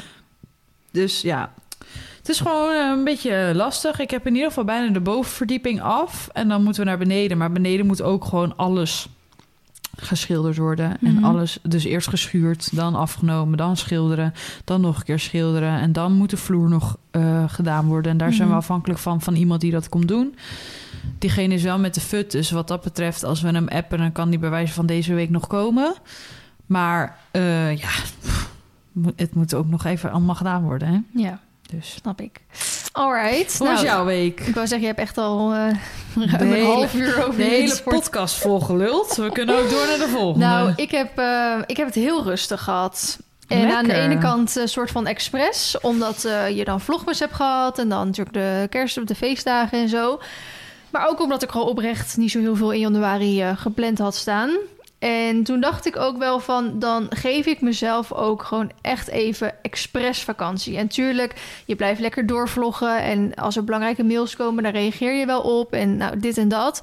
Maar ik dacht ook wel weer met bepaalde andere mails dat ik dacht... nee, daar ga ik echt pas vanaf 9 januari naar kijken. Want ik vind gewoon nu eventjes dat ik een soort van eh, vakantie moet gaan houden. Of tenminste nu, voor mijn gevoel, heb ik dan ook een soort reden. Of tenminste niet reden, maar voor andere mensen dan van... oh ja, het is vakantieperiode, dus Verliezen mag ook vakantie. Terwijl in theorie mag ik natuurlijk zelf bepalen wanneer ik vakantie heb of niet. Ja, dat is wel lekker eigenlijk. Ja, dus dat, eh, ik vond het een goed excuus. Ik verveelde me helemaal dood. Ik dacht echt, wat de fuck moet ik gaan doen? Dus je hebt lekker serie Ik heb gekeken? tering veel series gekeken. Ik heb de Max eh, Singer gekeken. Ja, Monica Geuze deed daar ook aan mee. Hè? Maar Ja. is dat nou playbacken of is dat echt zingen? Nee, eh, volgens mij is het wel echt zingen, maar dan wordt Met er wel autotune. autotune, gedaan. Oh. Maar eh, kijk, natuurlijk die eindoptredens, dat ze ontmaskerd zijn, die zijn dan echt. Maar ik vraag me het ook wel af als ze in het pak zitten. Want het lijkt mij heel heet en met al die dansjes en bla bla. Het zou mij niet verbazen als het inderdaad op dat moment playback is, dat ze dat vooraf Ja. hebben gedaan. ja, precies. Dat zou me niet verbazen, maar dat durf ik niet te zeggen. Ehm, ik, was, ik wist van heel veel mensen dat, eh, dat het een heel goed programma is. Dat het Mhm. best wel heel erg populair is en zo. En ik heb ook eh, echt al 80 keer de Mask Singer aflevering van Kathleen van K3 gekeken. Uit de Mask Singer van België dus. Mhm. Want Kathleen is toch die... Ja, ik haalde het altijd elkaar, die blonde. Ja, ze waren allemaal blond. Nee, er was eentje rood. Nee, Kathleen is die blonde. Ja, ja, en ja. eh, je hebt dan Kathleen, Karen en Karen en Christel. Christel is de brui- eh, zwart, haar. Oh, en dan Karen. Karen heeft dat rode, Rode, Nou. Karen die zat dus in de jury. En Kathleen die woont in Zuid-Afrika. Oh, Dus die eh, zien elkaar niet zoveel meer. En ook door de hele coronatijd was zij wanneer natuurlijk al... was deze aflevering dan? Ja, dat is echt al een jaar of twee jaar geleden. oh. Maar die kwam op een of andere manier ooit in mijn aanbevolen terecht. en toen heb ik dat gekeken. Nou, gejankt dat ik heb. Want ehm Kathleen, of het is een Ka- Kathleen die ging dus zingen in, Ja. dat, in dat pak. En, Kat, en Karin zei gewoon na vijf seconden al... deze stem ken ik. Dat is eh Kathleen, dat kan niet anders. Ik herken deze stem uit duizenden. En die andere juryleden zo natuurlijk, ja hoor, weet je wel zo. En toen was dat haar. Nou, en toen liep ze natuurlijk heen. Toen ging ze elkaar helemaal omhelzen en huilen. En toen heb ik natuurlijk heel hard meegehuild. Net zoals al die andere miljoenen mensen in de reacties trouwens. Maar sindsdien dacht ik van... oh, ziet er best wel leuk eigenlijk uit eigenlijk, dat programma. En omdat Monica er dus ook in zat... Ja. zag ik aan het einde... terwijl ze die fucking vlog vertelde... dat ze ging stoppen met Ja, vloggen. Toen dacht ik wel echt... Ja, echt. Je bent echt mijn hele... nou, niet jeugd, maar mijn afgelopen acht jaar. ja, Ehm, ik heb haar ook echt, echt eh, wel Ja. heel diehard gevolgd. Ja, Ja. zeker. Ik denk sinds zij... want ze was natuurlijk eerst dagelijks vlogger... en daarna weekvlogger. ja. Sinds zij weekvlogs maakt... wat dus ook al echt wel een hele lange tijd is... eh, heb ik volgens mij geen enkele weekvlog gemist. Ja, ik heb zelfs alle, alle Ja, dagvlogs gezien. alle dag heb ik niet gezien. Maar ook eh, in die nou, tijd dat ze nog met Leeuw Kleine en zo samen was. Dan ging Ja. ze heel veel op vakantie en moest ze veel draaien met Ja, Ronnie. ja. Oh, ja, ja, Groot deel van ons wel, leven. eh, ja, ja, ik snap grappig. het wel de reden hoor. Maar, maar Ja. goed, toen vertelde ze nog even soort van tussen neus en lippen door... dat ze daarvoor had opgetreden. Toen dacht ik echt, pardon, hier Ja. wil ik meer over weten. Ja, en wij hebben dat dus één aflevering gekeken en toen zei jullie... "Huh, Dat lijkt Jeroen van de Boom wel. Echt? nou, wat lul jij nou? Ja, en verdomd, hij doet dat ding af en is het Niet. Jeroen van de Boom. Hij had echt drie minuten gekeken. Oh, want ik had het wel bij Die Ronnie Tiger Flex heel was erg. dat. Ik heb dus verder nog helemaal niks Oh, gezien. nou sorry voor alle Maar spoilers dan alvast. zo Maar gelachen. Ik ik- dacht echt, nou, jij moet de dus- jury in. Ik vond dus bij heel veel... Nou, ik denk 50-50. Bij 50, 50% had ik door wie het was. Mhm. Of het nou vanuit de stem was of inderdaad vanuit de hints. Eh, nou, ik denk trouwens bij de andere 50% dat ik die persoon niet eens kende. Dus Mm. dan had ik het ook nooit kunnen raden. Maar ik heb me oprecht heel erg verbaasd over Jeroen van der Boom. Want hij draait natuurlijk al heel lang mee. We weten allemaal eigenlijk wel wie hij is. En we weten allemaal wel dat hij goed kan zingen. Maar ik had echt niet verwacht dat hij erin zat. Omdat ik het zo bizar goed vond. Dat ik echt wel vond dat hij, hij is wel echt heel winnen. goed. Hij is echt heel goed. Ja. Ik vond het echt een beetje Hank Poort meets Waylon of zo. Ja, hij is echt zong. heel goed. Ik ben ook een paar keer bij hem live geweest. En toen mama nog leefde, gingen we heel vaak naar van die programma's van hem... die hij dan maakte. Oh, oké. Hij heeft ook een programma gedaan aan de, aan de piano of zo heette dat. En toen kwam Eugene daar optreden. Mhm. Alles was live. En wij zaten daar dan als publiek, zeg maar, eh, Oh, grappig. in, in, in die zaal. Ja, dat was zo goed. En na de hand, als de aflevering dan afgelopen was... maakte hij altijd nog een feestje. Ging hij nog extra zingen. Mhm. Ja, mama vond hem altijd helemaal fantastisch. Dus ik heb zoveel van hem altijd al gezien. Ja. Nou, maar wat ik, zei, vind hem inderdaad ik wist een wel hele dat, goede zanger, Ik wist wel dat hij gewoon goed Ja. kon zingen, maar ik wist oprecht niet dat hij zo... Ik denk wel, maar misschien omdat ik hem gewoon niet zo goed ken... dat hij een beetje underrated gewoon oprecht is. Ja, maar ik... ehm, ik denk dat hij gewoon een van de beste Als je zangers hem van ziet Nederland dan is. weer met toppers, dan met de toppers, dan denk ik ook wel eens, ja, weet je, la la la la, Ja. bier en tieten. maar eh, dan word je ook een beetje, dan word je ook, dan is dat ook een beetje je publiek zo, hè? Ja. Terwijl als hij, eh, als nou, hij in dat tijgerpak, is- hij had me helemaal ingepakt. Ja. Ik was helemaal, dat ik echt dacht, dit is echt de winnaar van. Ja. En hoe, hoe die zong en wat voor inderdaad, dat hij elke keer ook hoe hij dat uitlegde toen eh, zijn masker op een gegeven moment af was. Dat hij elk optreden eigenlijk een ander soort van, want hij kan dus blijkbaar ook heel goed typetjes doen. Ja. Dat hij elk optreden een soort van ander typetje aannam om ze elke keer op het verkeerde been te zetten, weet je wel. En toen dacht ik, ja, want die ene dacht ik echt, nou, daar zit Henk Poort in. De andere keer dacht ik, nou, daar zit Waylon in, weet je wel. En de andere keer dacht ik, nou, daar zit die ja, in. hij is ook een beetje acteurachtig wat dat betreft. Ja, heel erg. Heel nou, leuk. eh, dus ik heb uh, Singers keihard zitten bingen. Ik heb ook veel zitten gamen. Ik heb, veel, ik heb een puzzel gemaakt. Ik heb echt veel Wow. met mijn tijd verspeeld. Zeg, vind ik dat dan een soort van dat het dan niet nuttig is. Maar, Maar, heb je dan kant- nu wel rust in je hoofd? Of heb je dan nog steeds het idee van, nou, ik heb geen vakantie gehad? Nee, nou, ik, dat weet ik niet zo goed. Omdat ik het ook heel moeilijk vind. Omdat ik dan vind dat ik mijn tijd een soort van verspild heb. Mhm. Dat ik denk, ja, ik heb, ik heb niks nuttigs gedaan. Maar het andere stemmetje in mijn hoofd zegt ook weer van... ja, maar je hoeft niet altijd wat nuttigs te doen. Mhm. En daar wil ik straks in de volgende podcast ook nog even uitgebreid op terugkomen. eh, over dat onderwerp. Maar ehm, ja, op zich, eh, januari is altijd heel rustig. Ook omdat je dan vlogmas hebt gehad en zo. Dus ik dacht ook van, het prima. En ik heb ook geen stagiair op het moment. En er is ook eigenlijk op het moment even niks. Dus ik dacht, ik focus me lekker op die paarden, weet je wel. Nacho gaat supergoed. Dan Fijn. focus ik me lekker even daarop. Ja. En eh, natuurlijk de voorbereidingen, omdat we straks eh, die grote verbouwing Ja. hier gaan hebben. Eh, dat even allemaal op elkaar inmeten. En dan als, als. Sjoerd straks terug is, dan gaan we daar wel allemaal lekker naar kijken. ja. Lekker. Dus ik heb wel... Nou, mijn week is eigenlijk heel rustig geweest. Eh, ik had dus wel de soort van eerste officiële springles bij de vereniging.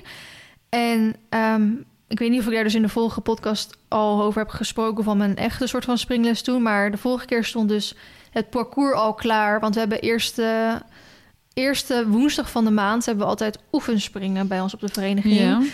En omdat wij nu op maandag springles hebben, doet hij wel eens maandag alvast dat parcours opbouwen voor woensdag, zeg maar. Ja. Dus ik heb toen maandag 2 januari echt parcours eh, springles gehad. En dat ging echt super goed.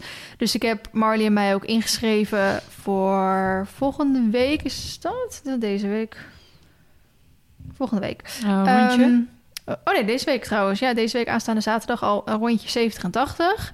En dat eigenlijk gewoon een beetje weer even soort van inkomen en Mhm. even op safe spelen. En als dat goed gaat, dan ga ik twee weken later eh, een rondje. Is dat twee weken? Ja, dat is ja, twee weken. Een rondje 80 en 90 doen.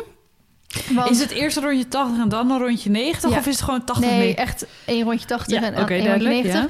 Want we hebben in de springles springen we ook gewoon 90, soms zelfs Ik een meter. het. Dus dat moet hij gewoon allemaal kunnen. En, En die dubbels gaan nu ook veel ja, beter. supergoed. Weet je. Maar En hij dat- is ook super in shape Hij nu, is hè? nog nooit zo goed geweest, denk nee, ik. dat denk ik ook niet. Dus ehm, dat ik- gaat hem wel veel goed doen, hoor. ja, maar wat ik gewoon echt een beetje soort van... ver- maar wat me een beetje verbaast... is dat ik echt heel blij ben met de instructie en met de lessen. Hmm. Want ik ehm, heb eigenlijk nooit echt... ja, klinkt een beetje stom... maar positieve ervaringen met groepslessen gehad. Eh, zowel dressuur als springlessen. Dat je er altijd wel misschien wat mee kreeg, maar altijd een beetje oppervlakkig bleef. Dat er nooit Mhm. echt aan jou gewerkt werd. Mhm. Eh, nu moet ik zeggen, we rijden elke keer maar met z'n tweetjes op het moment. Je hebt ook, ja, dat is heel luxe. Luxe. Terwijl in andere lessen ze met z'n vieren rijden. En sommige als... eh, Maar vier is nog niet veel, hoor. nee, vier is ook prima. Maar ze hebben ook wel eens gehad dat ze met z'n zevenen reden of zo. Weet je wel, dat is wel veel. Ja, dan is het echt achter elkaar aanhuppelen. Daarom, en dus dat vond ik heel erg fijn. En ook omdat ik Marley nu zo goed ken. Dat ken ik natuurlijk al een tijdje meer. Maar ik, ik kan gewoon echt met mijn instructeur overleggen van... ja, maar ik voel dit. Ja. Of ik weet dat hij dit doet. eh, hoe dan zo en zo. En eh, nou, ik, vind, ik, vind, ik ben zo moeilijk in instructeurs, dat weet je. Mhm. Dat weten de luisteraars denk ik ook wel. Dat ik echt niet zomaar bij iemand les neem. En eh, dus dat vond ik altijd een beetje spannend. Van nou, is die dan wel fijn? En ik dacht eerst van nou, gaan we gewoon alleen maar springlessen voor... Gewoon voor de kilometers, weet je wel? Dat je gewoon echt elke week vast gewoon lekker eh, kan gaan Mhm. springen. En dan nou, moeten we maar kijken of de instructie goed is of niet goed. Of dat, je, dat ik gewoon een beetje mijn eigen ding doe. Of dat ik echt vol opvolg wat zij zeggen. Maar ik vind het echt, eh echt hele fijne instructie. En dat ik er ook echt, echt heel veel van leer. Mhm. En toen die eerste keer, toen ging het eigenlijk supergoed. En gisteren had ik springles en toen ging het eigenlijk gewoon best wel slecht. Dat ik, ik zag gewoon op een of andere manier mijn afstand de hele tijd niet. Dus ehm, dat ja, resulteerde dan natuurlijk in dat, dat, dat er ook niet zo mooi gesprongen werd. En dat was dus gewoon echt mijn schuld. En ehm, hij heeft mij best wel wat oefeningen laten doen om me daarmee te helpen. En om Marley daarmee te helpen en zo. En toen dacht ik, ik vind het echt fijn. Want Mhm. het is fijn als het goed gaat. Ja. Maar je leert misschien nog wel meer als het natuurlijk niet goed Ja, gaat. Maar sowieso afstanden zien is sowieso echt het grootste Ja, probleem maar ik vind bij... het heel raar, want vorige week ging eigenlijk, denk 98% ging goed. En nu Ja. ging denk ik ruim 50% kut. Dat je ook echt denkt, waarom, weet je wel? Maar ja, goed, eh, die dagen zullen er ook tussen zitten. Ehm, dus ik vond het gewoon heel fijn dat als het dan ook eventjes niet goed gaat... dat je dan toch alsnog heel veel kan leren en Ja. waarom en hoe en zo. En dan...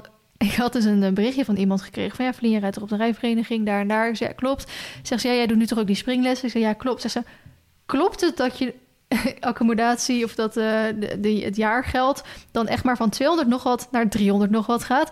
Ik zo, ja, je hebt dus voor 100 euro per jaar meer eigenlijk elke week een spring en elke week een Ja. dressuurles. En toen zei ze ook van, nou, ik mo- moest het even horen, want ik geloofde het gewoon ja, niet maar toen dat is dus vaak bij rijverenigingen. Ja, Dat is echt bizar. bizar. Ik ben dus echt gewoon gewend geraakt aan aan, aan 50 à 60 euro per les. Ja. En dat is niet vol te houden. Daar liep ik heel erg tegen aan. Dat ik dacht, ja, ik wil wel vaak lessen, maar dat is financieel gewoon niet vol te houden. Mhm. En eh, ik hoorde vaak mensen, ja, maar ik ga naar de rijvereniging. Ik denk, ja, maar die groepslessen, dat is helemaal Ja. niks van mij en bla bla bla. En toen dacht ik, ja, misschien moet ik toch maar eens gewoon doen. En ik ben er echt wel eh, echt heel erg blij mee. Mooi. Dus het ging heel erg goed qua springen en ik heb er echt heel veel zin in. Eh, voor de rest, lekker buiten gereden. Nou, les bij Mireille gehad. Ik heb gisteren weer mijn eh, tweede laserbehandeling gehad. Hmm. Echt super blij mee tot nu toe. Ik heb eigenlijk maar één laserbehandeling gehad voor gisteren. En je ziet al zoveel resultaat. Ja, bizar dat denk ik zeker als we er straks vijf verder zijn. Wanneer moet je betalen eigenlijk? Ik heb, Vooraf? al, nee, ik heb helemaal in het begin gewoon in één keer alles, Alles. betaald. Oké, Ja, dan, dan heb ik dat maar gewoon gehad. dus de rekening maar weer leeg. dus eh, nee, ik ben er echt super blij mee. En die vrouw die dat doet lezen is ook heel aardig. Heeft ook Waar was het vroeger ook weer? eh, in Arnhem. Ja. Heeft ook vroeger in de paarden gezeten. Dus eh, ik had dus een... ehm, dit is misschien weer een beetje too much information. Maar we zijn vrouwen en we hebben het hier over. Ik had dus... ehm, ik, ik- volgens mij heb ik het wel eens vaker verteld. Maar ik vind het niet fijn om in een string eh, te rijden. Mhm. Want dat zit bij mij gewoon niet lekker. Ik krijg daar oprecht... Zeker als ik op buitenrit ga... kan ik daar wondjes van krijgen. Volgens mij hebben we dit wel eens Mhm. besproken. Ehm, maar ik vind wel, als je vaak eh, filmt of foto's maakt... dan vind ik wat minder mooi als je dan die lijntjes van een Ja, boxer bijvoorbeeld ziet zitten. Dus dan ja. kies ik er toch voor om gewoon in een string te gaan. En eigenlijk gaat het de laatste tijd soort van wel beter. Ehm, misschien komt het ook omdat ik nu deze zadels heb, dat weet ik niet. Maar toen had ik dus wel weer eh, had ik een wondje opgelopen. En die heb ik dus, eh, daar kwam ik dus gisteren, niet afgel- gisteren, maar eergisteravond kwam ik daarachter. En toen dacht ik, echt, kut, ik heb die laserbehandeling en ik heb een wondje daar nu zitten. Dus toen zei ik het wel gewoon tegen haar, van ja, ik heb daar een wondje zitten. En dan moet ze natuurlijk ook even kijken van waar het zit en hoe het eruit ziet en zo. Ehm, dus toen zei, en toen zei ze ook van, dus ik, dus ik zeg zo van ja, het komt omdat ik dus ver- verkeerd ondergoed bij paardrijden heb gebruikt. En toen zei ze, oh, dat herken ik wel, dus nog van Mm. vroeger, weet je wel. Dus toen hadden we het er zo een beetje over. Dus, ehm, nou goed, dan moet ze daar gewoon eventjes omheen met die laser. Dus toen zei Ja, ze, ja, precies. daar kan ik dus nu even niks aan doen. Ik zo, nee, dat is prima. Ja. Dus, ehm, nee, eigenlijk was het, het deed ook wel weer een soort van minder pijn. Of je was, ik denk dat het evenveel geïrriteerd? pijn deed, maar je bent er meer aan gewend of zo misschien Mhm. al. Nee, geen, niet geïrriteerd. Ik ben nog steeds echt heel blij mee, want je ziet gewoon heel veel verschil. En je hoeft Als jij nog steeds zo over na te positief blijft, ga ik het misschien ook wel doen. Nou ja, ik, ik zeg echt, en zij zegt ook, dat zegt elke klant, had ik dit maar acht jaar geleden gedaan, weet je wel. Echt, eh, als ik bewijs van later dochters heb en ik weet niet vanaf eh, wel- 12 welke, jaar. ik weet niet vanaf welke leeftijd het mag, maar dan zeg ik ga maar, ik Ja. betaal wel, Ja. want het is gewoon echt, kijk, Zoveel makkelijker. En we hebben het hier al wel eens vaak over gehad. Die wil niet per se promoten dat lichaamsbeharing niet goed is of zo. Maar ik ehm, zie het gewoon echt als iets heel chills. Dat ik dus niet meer hoef na te denken over Mhm. wanneer... eh, d- doe een korte broek aan. Wanneer zie je mijn oksels als ik ga sporten. Dat ik moet scheren of iets in die richting. Dat ik denk, oh, het is zo chill om gewoon alles te kunnen zonder daarover na te denken. En ik had het vroeger als tiener met eh, de gymles op school bijvoorbeeld ook. Dat ik echt dacht, oh, vandaag heb ik gym, dus ik moet mijn benen scheren, weet je wel. En als ik het dan een keer niet had gedaan, dan schaamde ik me een soort van Mhm. dat ik beenhaar had en dat mijn klasgenootjes het allemaal niet hadden. Ja. En eh, nogmaals, je moet het lekker zelf doen wat je zelf wil, maar ik voelde me daar niet comfortabel bij. Dus als, weet je, als ik misschien ooit kinderen heb en die dochters zijn mannen mag ook, is natuurlijk ook prima.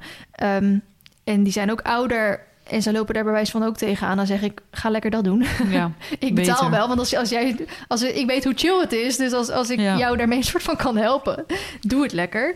Nee, ik vind het echt, ehm, echt heel chill. Dus daar ben ik echt heel erg blij mee. En voor de rest, ehm ja goed, heb ik vandaag voor het eerst proefje geoefend met eh, Nacho. Mhm. Omdat we vrijdag op oefenwedstrijd gaan. Dat gaan we in de volgende video of in de volgende podcast bespreken.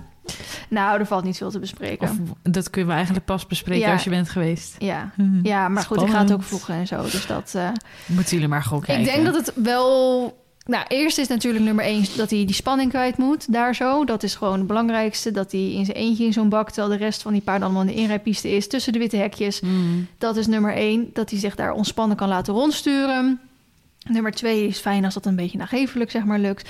En nummer drie is fijn als je dan ook nog een beetje figuurtjes kan gaan rijden. Want dan kan je eigenlijk je proefje gaan starten. Ehm, maar waar ik vandaag dan bijvoorbeeld weer tegenaan liep... is dat hij... Hij blijft het galopperen nog best wel moeilijk vinden. En op de lange zijdes, als hij dan rechtuit gaat... want dat oefen je natuurlijk ook veel buitenrit... want op buitenrit heeft hij al heel lang niet meer gebokt. Mhm. De lange zijdes op, in de bak lukt het ook. Maar ja, uiteindelijk heb je 2040 bak... dus je moet toch best wel veel eh Ja. voltes maken... als je met een paard van 1,70 meter door een 2040 bak wil. En je moet ook in je proefje voltes galopperen.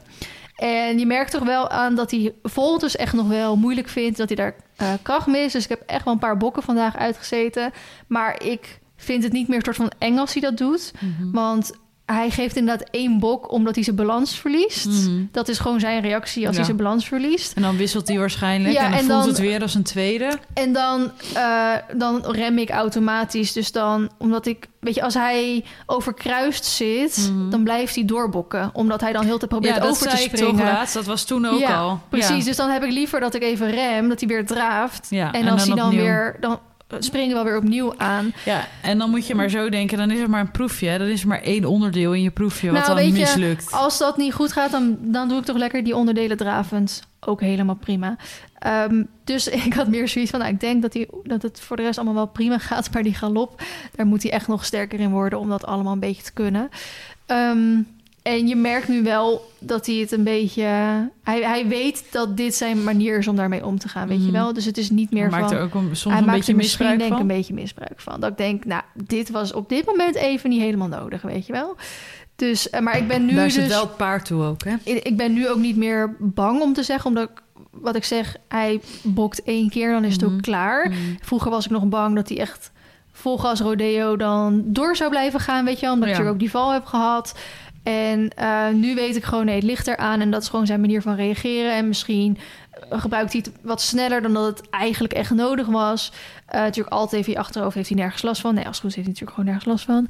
Ehm, dus ik durf hem ook wat strenger dan aan te pakken. Ik moet Ja. bij Nacho heel erg uitkijken, want als ik te streng ben, dan, dan vindt hij dat heel eng, zeg maar. Dus Ja. dan reageert hij heel heftig daarop. Dus ik moet heel gedoseerd zijn in mijn hulpen. Mhm. Eh, dus als ik een keer tegen hem zeg: hey, kom op, kap is, weet je wel.